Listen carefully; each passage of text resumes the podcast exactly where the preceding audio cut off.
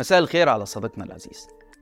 الأجهزة الرقابية كشفت قضية فساد كبيرة في وزارة التموين اتسببت في القبض على تسع مسؤولين أبرزهم مستشار وزير التموين للرقابة والتوزيع وتوجهت لهم اتهامات باستغلال النفوذ وإهدار المال العام وتلقي رشاوي من أصحاب شركات خاصة.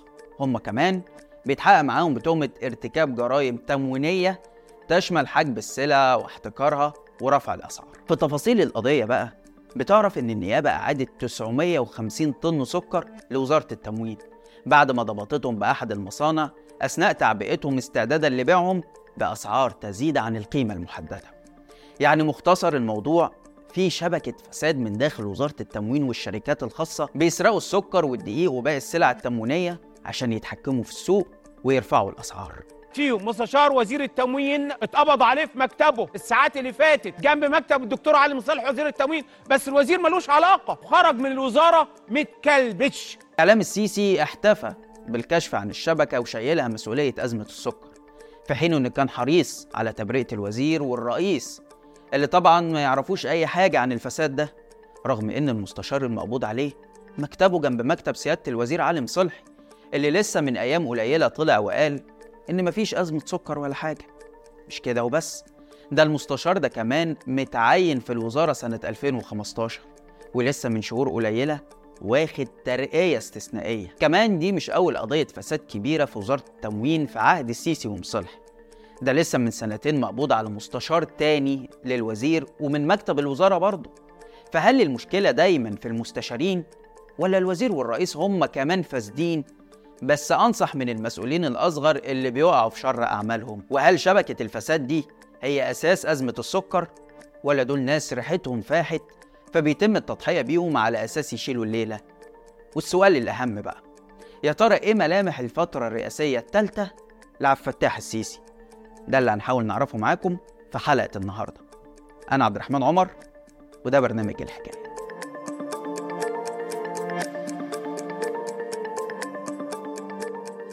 على فكرة في مشمش بتاع الدولار وفي مشمش بتاع السجاير وفي مشمش بتاع البصل وفي مشمش بتاع السكر. في كل مكان في مصر أصبح هناك مشمشا أهلا بيكم. سنة 2018 نجح السيسي في استقطاب أكبر شركة سكر إماراتية لإنشاء مصنع في المنيا برأس مال مليار دولار. وروجت له الحكومة باعتباره أكبر مصنع سكر في العالم على مساحة 240 فدان.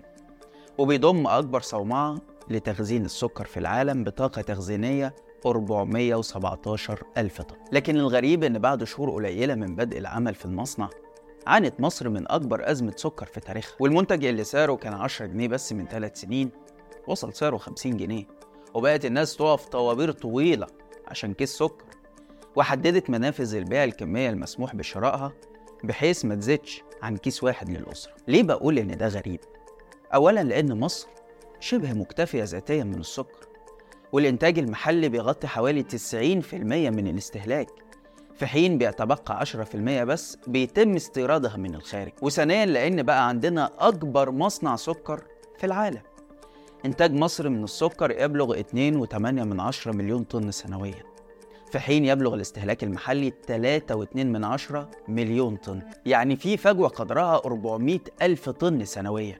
ودي اللي إحنا بنستوردها من دول زي النمسا والسويد وكوريا الجنوبية بتكلفة تقدر بحوالي 140 مليون دولار.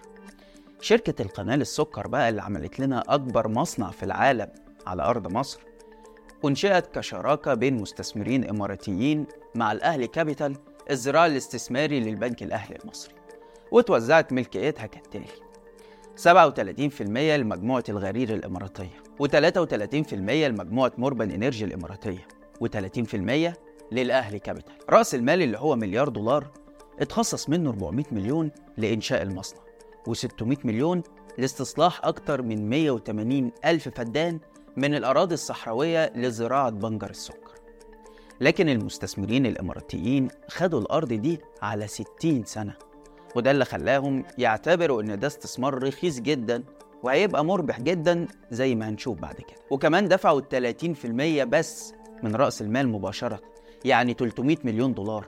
وال70% الباقيين خدوهم كتسهيلات من البنوك المصرية. وبعد كده بقى فضلوا يماطلوا في السداد ويطالبوا البنوك بإنها تأجل سداد الفوائد بحجة تأخير زراعة البنكر. ومع كل تأخير قيمة الفلوس المطلوب سدادها كانت بتقل لأن ال 700 مليون دولار اللي خدوهم كانوا عاملين 12.5 مليار جنيه في 2018 تخيل لما يجوا يسددوه النهارده فتبقى قيمته أقل من 250 مليون دولار. يعني تلت المبلغ تقريبا. طب إيه علاقة الشركة الإماراتية دي بأزمة السكر؟ كامل العبد الله الرئيس التنفيذي لشركة القناة قال من أول يوم إن عينهم على التصدير إلى الأسواق الخارجية سواء السوق الأوروبي أو البلدان المجاورة اللي عندها نقص سكر. زي مثلا عندك لبنان، سوريا، العراق، السودان ودول أفريقيا. وده طبيعي لأن أنت عندك سوق مصري شبه مكتفي أصلا. فلما تنتج مليون طن سكر سنويا في بلد الفجوة فيها 400 ألف طن بس لازم تدور على أسواق خارجية. وفعلا خطة الشركة كانت تصدير سكر بقيمة 50 مليون دولار في 2023 على أن يرتفع الرقم ده إلى 150 مليون دولار في 2024 دون الالتزام بقرار وزارة التموين حظر تصدير السكر اللي صدر في يونيو 2023 لمدة 3 شهور. وبعدين تم مده لثلاث شهور إضافية في سبتمبر الماضي. عشان كده شركة القناة اللي خدت امتيازات مهولة من السيسي واجهت اتهامات بتصدير السكر المصري بالمخالفة لقرار الحكومة. وده اللي تسبب على الأقل في مفاقمة الأزمة اللي بتواجه المصريين النهاردة. وده يخلينا نطرح أسئلة كتير. ليه الشركة دي تحديدا هي اللي تاخد كل الامتيازات دي؟ وليه ما عملناش إحنا المشروع ده أو شجعنا مستثمرين مصريين مثلا يعملوه؟ طالما التكلفة المباشرة 300 مليون دولار بس وعائداته هتكون بملايين الدولارات. يعني زي ما قال أصحاب المشروع استثمار رخيص ومربح. هيكلية التمويل حوالي 30% هو رأس المال اندفع كامل متكامل من الأول. وهلا امنا ال 70% خلال السنة الماضية من ناحية تسهيلات داخلية من بعض البنوك المصرفيه المصرية ولكن من أول يوم رح نصدر ولو جزء صغير. آه، ليه؟ لأنه التصدير يهدف أنه التأكيد على آه، إنتاجيتنا وعلى مستوى آه، الكواليتي المطلوبة بالأسواق العالمية. قصة الشركة الإماراتية بتكشف لنا أن الفساد جاي من فوق وأن الموضوع مش مجرد سرقة واحتكار وجشع تجار لكن الأزمة أكبر من كده واصلة لأعلى راس في البلد واللي قرر في لحظة ما يرهن مصر بالكامل للإمارات. وما اكتفاش بكده بعد ما غرق البلد في بحر من الديون وبقى مطالب يسدد أكتر من 42 مليار دولار في 2024 منهم 9.5 مليار دولار فوائد وأقساط قصيرة الأجل لازم يندفعوا في الربع الأول من السنة الجديدة. رجع تاني يبيع في الشركات والأصول. هالة السعيد وزيرة التعاون الدولي قالت خلال مشاركتها في قمة المناخ بالإمارات إن الحكومة بصدد التوصل لاتفاق لبيع شركة ChillOut اللي بتملك محطات الوقود والمملوكة لجهاز مشروعات الخدمة الوطنية الذراع الاستثماري للجيش التسريبات كلها بتقول إن شركة بترول أبو ظبي أدنوك هي اللي هتشتري ChillOut وهي كمان اللي مهتمة تشتري شركة وطنية عشان تسيطر على محطات الوقود في مصر كلها. لأنها سبق واستحوذت على نص محطات TotalEnergies. إحنا عارفين إن بيع الشركتين دول تحديدا متعطل من وقت طويل لسببين أساسيين. الأول هو رفض الجيش بيع شركاته والتاني كان الخلاف على سعر الدولار لأن المشتري الخليجي عايز يقيمه بسعر البنك بينما الحكومة عارفة اللي فيها وعايزة تقيمه بسعر السوق السوداء أو على الأقل سعر مقارب لقيمته الحقيقية. بيع الشركات دي لو تم هيدينا أول ملامح الفترة الرئاسية الثالثة للسيسي واللي بتتمثل في إحكام سيطرته على الجيش. بعد فترة شهدت كلام عن وجود خلافات مع رئيس الأركان القوي أسامة عسكر وعن احتمالية ترشح الفريق محمود حجازي في انتخابات الرئاسة. وده هيخلينا نتابع تطورات الصراع المكتوم ده ونشوف هل السيسي هيقدر يطيح بأسامة عسكر في أقرب فرصة وهل عودة حجازي للظهور بجواره تعني إمكانية استعانته بيه في المرحلة اللي جاية؟ ولا هيكون حاسم أكتر في تعامله مع منافسيه من داخل الجيش؟ خلينا نفتكر إن الخناقة دي بتيجي في وقت حساس جدا. مع استمرار الاحتلال في عدوانه العنيف على غزة وقصفه لجنوب القطاع وتحديدا مدينة خان يونس تاني أكبر مدن غزة وأكثر المدن الفلسطينية كثافة سكانية واللي بيحدها من الجنوب مدينة رفح قرب الحدود المصرية. مفيش شك إن إسرائيل عندها خطة لتهجير أكبر عدد ممكن من أهالي القطاع وعشان كده هي بتعتمد على القصف العشوائي واستهداف المدنيين وتدمير البنية التحتية من مستشفيات ومدارس بيلجأ ليها السكان بهدف إجبارهم على النزوح جنوبا حتى معبر رفح واللجوء في مصر. وده اللي قاله بالظبط مفوض وكالة الأونروا التابعة للأمم المتحدة اللي اشتكى من مطالبة الجيش الإسرائيلي إنهم يعملوا إجلاء لعشرات الآلاف من الفلسطينيين اللي موجودين في مراكز الوكالة في غزة فضلا عن وقف دخول المساعدات منذ انتهاء الهدنة. والراجل قال بوضوح إن الهجوم اللي حاصل على جنوب غزة هيدفع مليون لاجئ إلى حدود مصر. السيسي موقفه المعلن هو رفض مخطط التهجير. بس مع تدهور الوضع بالشكل ده على الأرض محتاجين نسأل حكومة السيسي وإدارته عملوا إيه حتى الآن عشان منع السيناريو ده هل طلبنا حتى بوقف الحرب؟ هل صممنا على استمرار دخول المساعدات؟ هل امتلكنا أي أوراق ضغط نقدر من خلالها نجبر إسرائيل وحلفائها إنهم يوقفوا المخطط ده؟ الحقيقة إننا اكتفينا بس بالتحذير والكلام عن الخط الأحمر ودولة فلسطينية منزوعة السلاح مع إن لحد سألنا عن رأينا ولا نقدر نفرض الأمر ده على الفلسطينيين فضلا طبعا عن الإسرائيليين والأمريكان. بالتالي فترة السيسي الثالثة هتبدأ بتحدي صعب يتمثل في إفشال مخطط التهجير اللي مؤكد إن في أطراف داخل إدارة السيسي بتدعمه لأسباب مختلفة. جزء منها بيؤيد القضاء على حماس وبيعتبر ده فايدة للنظام السيسي اللي مش عايز يكون على حدوده في تيار مقاومة ولا عايز القضية الفلسطينية تشعل في المصريين أفكار ثورية قد توجه ضد السيسي. وجزء تاني عاوز يستفيد من المساعدات المالية اللي الغرب بيوعد بيها في ظل أزمة ديون خانقة وإدارة فاشلة بتقود البلد لمدة عشر سنين أرهقت اقتصادها وبتهدد مصيرها ومستقبلها. ضيف على ده رغبة السيسي في لعب دور الدكتاتور المفضل لأمريكا زي ما وصفه قبل كده ترامب.